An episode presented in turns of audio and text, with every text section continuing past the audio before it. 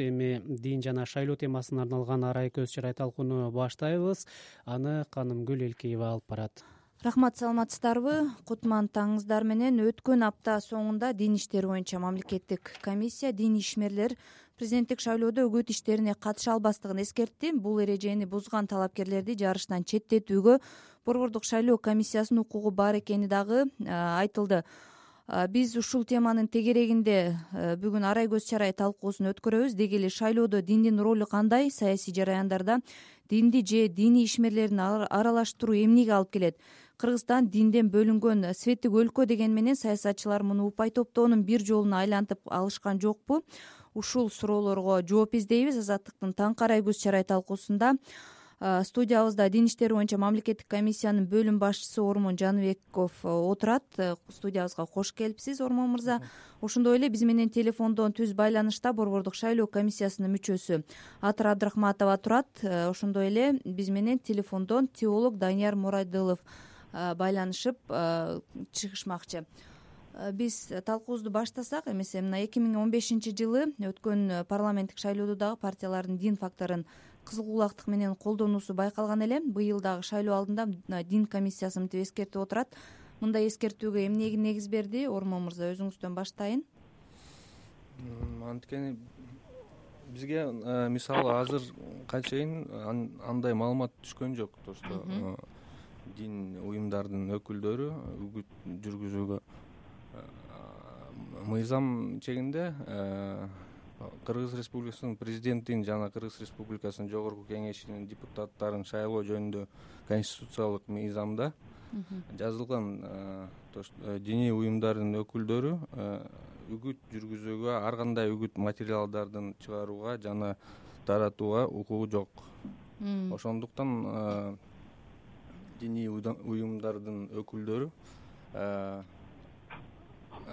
ар бир кыргызстандын жараны э, катары э, шайлоого катыша мүмкүн бирок э, именно үгүт жүргүзүүгө жол жок. Негизинде бул алдын алуу үчүн эскертүү берилген экен да туурабы? Ооба. Мындан аркы жараяндарда колдонулбасын дегендейчи бирок э, социалдык тармактарда интернетте ушундай э, үгүт иштерине э, диний ишмерлердин катышкандыгы туурасында сөздөр айтылып атат. Борбордук шайлоо комиссиясы ушул эрежени бузган талапкерлерди жарыштан четтетүүгө укугу бар экенин ал тургай сотко кайрылуу кайрыла ала тургандыгын билдирди. Бул бшк муну үгүт компаниясынын алкагында көзөмөлгө алабы кандай чаралар көрүлөт атыр айым саламатсыңарбы албетте биздин мурдагыдай эле айтып кеткендей баш мыйзамда дагы конституцияда дагы ушул диний кызматкерлер негизи эле э, дин сферасынын мамлекеттик сферадан э, экөө эки башка жакта туруп бири бирине киришпестик принципи жазылган. Биздин ушул президенттик шайлоо э, мыйзамында дагы так ушул диний ишмерлер үгүт иштерине катыша албайт. Анан кийин ушул талапкердин кайсы бир шайлоо процессиндеги иш чараларына да катыша албайт. Андан сырткары диний уюмдардан талапкердин э, фонду да каржыланбайт деп жазылган да.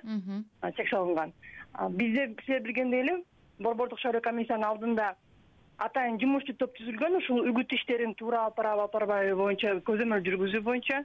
Анын жетекчиси арипов э, назар тудалиевич ичинде э, дагы эки үч борбордук шайлоо комиссиянын мүчөсү анан кийин юристтер кирет. Бул жумушчу топко жумушчу топ алдын ала ушул келген арыздарды үгүт иштери тууралуу же болбосо өзүнүн ыктыяры менен дагы эгерде теледен же радиодон же дагы бир жерден көрүп калган болсо ошол э, фактыларды алып териштирүү жүргүзүп андан кийин борбордук шайлоо комиссиясынын жыйынына чыгарышат дагы анан кийин жыйындан биз чечим кабыл алганга укуктуубуз бул көзөмөлдүн негизинде эгерде кайсы бир э, дин кызматкери же диний уюму э, кайсы бир талапкердин ишмердүүлүгүндө үгүт иштерине катышып атса анда ошол талапкерди сиз мындан мурун айтып кеткендей эле чындап эле биз талапкерди каттоодон каттоосун жокко чыгарып же каттабагонго да укуктуубуз анткени э, биздин мамлекетте Э, биздин конституцияда биз светтик мамлекетпиз. Анан кийин ушул нерселер ажыратылып иш алып барылат деп жазылган да. Диний кызматкерлерине балким өздөрүнө түздөн түз чара көрбөгөн күндө дагы биз укук коргоо органдарына материалдарды жөнөтүп булардын иш аракеттерине баа бергиле деп айтканга да укуктуубуз да. Буга чейин белгиленгендей ушул жумушчу топтун жетекчиси назарали арипов дагы бизге келип ушундай бир учурлар катталдыбы деген суроолорго жооп бермек. Ал биздин байланышка чыккан жок келген жок талкуубузга. Негизи эле ушул көп учурларда э, бшкнын ресурсу же болбосо биздин укугубуз жок дегендей мындай э, артка чегинген учурлар э, болбой койбойт да атыр айым анан бшкнын буга ресурсу жетиштүүбү муну көзөмөлгө алганга? Эң биринчи кандай десем негизи жетиштүү десем болот. Эмне себептен? Биринчиден чындап эле биздин ушул шайлоочулар дагы шайлоо процессине катышкан бүт тараптар өзүлөрү дагы мыйзамдуулуктун сакталышына кызыктар болуш керек. Ошол себептен журналисттер болобу же болбосо талапкерлер болобу жөнөкөй жарандар же жарандык уюмдар болобу эгерде ошондой кийлик ишүүнү мыйзам бузууну көрсө бизге кайрылуу жазса болот. Кайрылуу жасап ушул өзүнүн даттануусун же даттануусун берсе бул элдин баарына же ошол адамдарга же талапкерге жаман көрүнүп калбайт. Анткени башкысы бизге мыйзамдуулукту сактап калабыз бул биринчиден. Экинчиден экинчиден биз азыр ушул атайын журналисттер менен бирдикте көп семинар өткөздүк журналисттерге анан кийин ушул бизде жакшы жарандык уюм бар. Медиа укугу деген. Ушул уюм менен бириликте ушул жумушчу топ азыр мониторинг жүргүзүүчү атайын бизде болгон системалар бар. Ушул биздин кыргызстандыктар иштеп чыккан ушул массалык маалымат каражаттарын бүт эмелерин мониторинг жүргүзүп программа өзү тандап тандап тандап тандап атат да анан кийин кайсысында эмерсең поиске издөөгө сөздүч мисалы азыр дин кызматкерлери дин деп анда динге байланыштуу массалык маалымат каражатына теледенби радиодонбу же гезиттен чыкпасын ошонун баарын алып чыгып э, ошол жумушчу топко берилет да. Анан жумушчу топ өзү анализдеп жумушчу топто атайын э, кызматкерлер бар. Ошонун баарын бириликте алар текшеришип баа бериш керек. Түшүнүктүү э, негизинен ушул мурдагы шайлоолордо дагы жогоруда айтылып кеткендей мындай көрүнүштөр байкалган. Анан президенттикке арыз тапшырган талапкерлердин бири бул шайлоодо дагы диний алымдардан бат алганын мактанып социалдык желилерге сүрөт жүктөп айрымдары буга чейин эчен жыл үйүндө катылып турган куран китептерди диний окуу жайларга тапшырып упай топтоо менен э, упай топтоого аракет кылышкан э, мисалы саясий жараяндарда динди же диний ишмерлерди аралаштыруу эмнеге алып келет? Данияр мырза э, сизге суроо узатайын. канымгүл. Алло канымгүл. Угуп атам. Кадымкүл айта берейинби атыр айта бериңиз. Мен кичинекей бир кошумча ушул учурду пайдаланып айтып кетим да кечээ дагы биз ушул бир массалык маалымат каражатынын үстүнөн массалык маалымат үстүнөн интернет сайттын үстүнөн түшкөн арызды карадык да биз бшкадан анан мен ушул азыр сиз айткан нерсенен дагы бир ой келди да биринчиден бизде социалдык тармактар. Массалык маалымат каражаты катары эсептелинбейт да. Ооба. Андан кийин эгерде биз азыр эсептейбиз деп ошону дагы биз көзөмөл жүргүзөбүз деп баштасак бул абдан чоң мейкиндик анан кийин анын түбүн эмесин тамырын таппайбыз да кимден чыккып каяктан башталганынчы. Андан сырткары мен кайрылып кетет элем ушул эфирден да пайдаланып биздин журналисттерге дагы. Социалдык тармактарда тилекке каршы ар кандай элди мындай чаң тополоңго алып бара турган дагы же болбосо Э, ураандар да бар экен бар э баарын билебиз. Анан кийин ар кандай ушактар имиштер көп да анан кийин ошону гезит бетине же болбосо радиого же э, интернет баракчаларга чыгарбасаңар да анткени ошол ошол эле мисалы диний кызматкерлерди э, өзүнүн жана айтпайсызбы колдонуп баракчасына чыгарды депчи? Алдын ала биз талкуу кылып сска массалык маалымат каражаттарына чыгарбы дегенге мисалы укуктуубуз э азырчы? Алдын ала чара көрүп. Мисалы? Азыр тиги тиги улутта экен бул мындай улутта экен бул мындай динди карманат экен бул тигиндей экен деп азыр кээ бир интернет баракчаларына чыгып кетип мисалы мен кооптунум да мынданчы анткени элдер окуп башка жака да бул суроо бурулуп кетиши мүмкүн да. Мен ушул эле маалыматты ошол беделдүү беделдүү деген маалымат каражаттарынын биринен эле алдым. Ушул маалыматтарды анан данияр мырза ушул саясатчылардын дин ишмерлерин э, ушул саясий жараяндарда колдонуусу канчалык кооптуу же негизи эле аралаштыруу эмнеге алып келет арты? Коркунучу бар бул жерде. Коркунучу деген э, диндин өзүнө дагы коркунуч туудурат динди саясатташтыруу бир жараяны жүзөгө ашкан турат да эгер андай боло турган болсо. Андан тышкары динди э, саясатташтыруу менен э, динде жүргөн э, мындайча айтканда саясатка аралашпаган канчалаган мусулмандарды дагы ошол менен жаманатка калтырган атат да. Эми туура айтып атат атырайымга деле кошулам мен толугу менен. Өзү негизи диний уюмдарга тыюу салынып атат да. Биздин мамлекеттин светтиктиги диний уюмдарга жана шайлоолорго үгүт жүргүзүү жана башка тигил же бул кандидатка э, тартып сөз сүйлөп үгүттөп жана башкасынын баардыгы тең.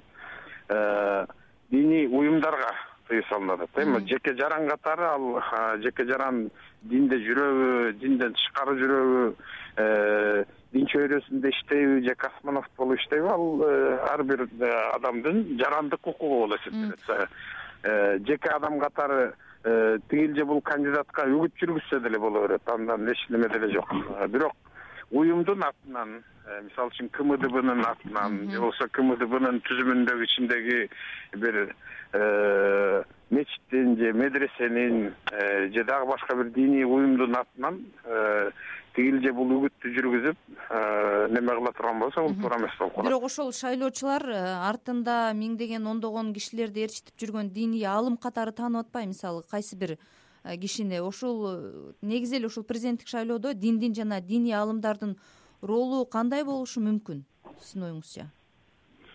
Ролу баягы орусчада айтылат го созидательный деген. Ошондой гана болушу болушу керек да. Тигил же бул кандидатка мындайча айтканда жеке адам катары өзүнүн добушунбу оюн пикиринби укуктуу бирок аркасындагы жамаатка тигиндей кылгыла же мындай кылгыла дегенге туура эмес болуп калат.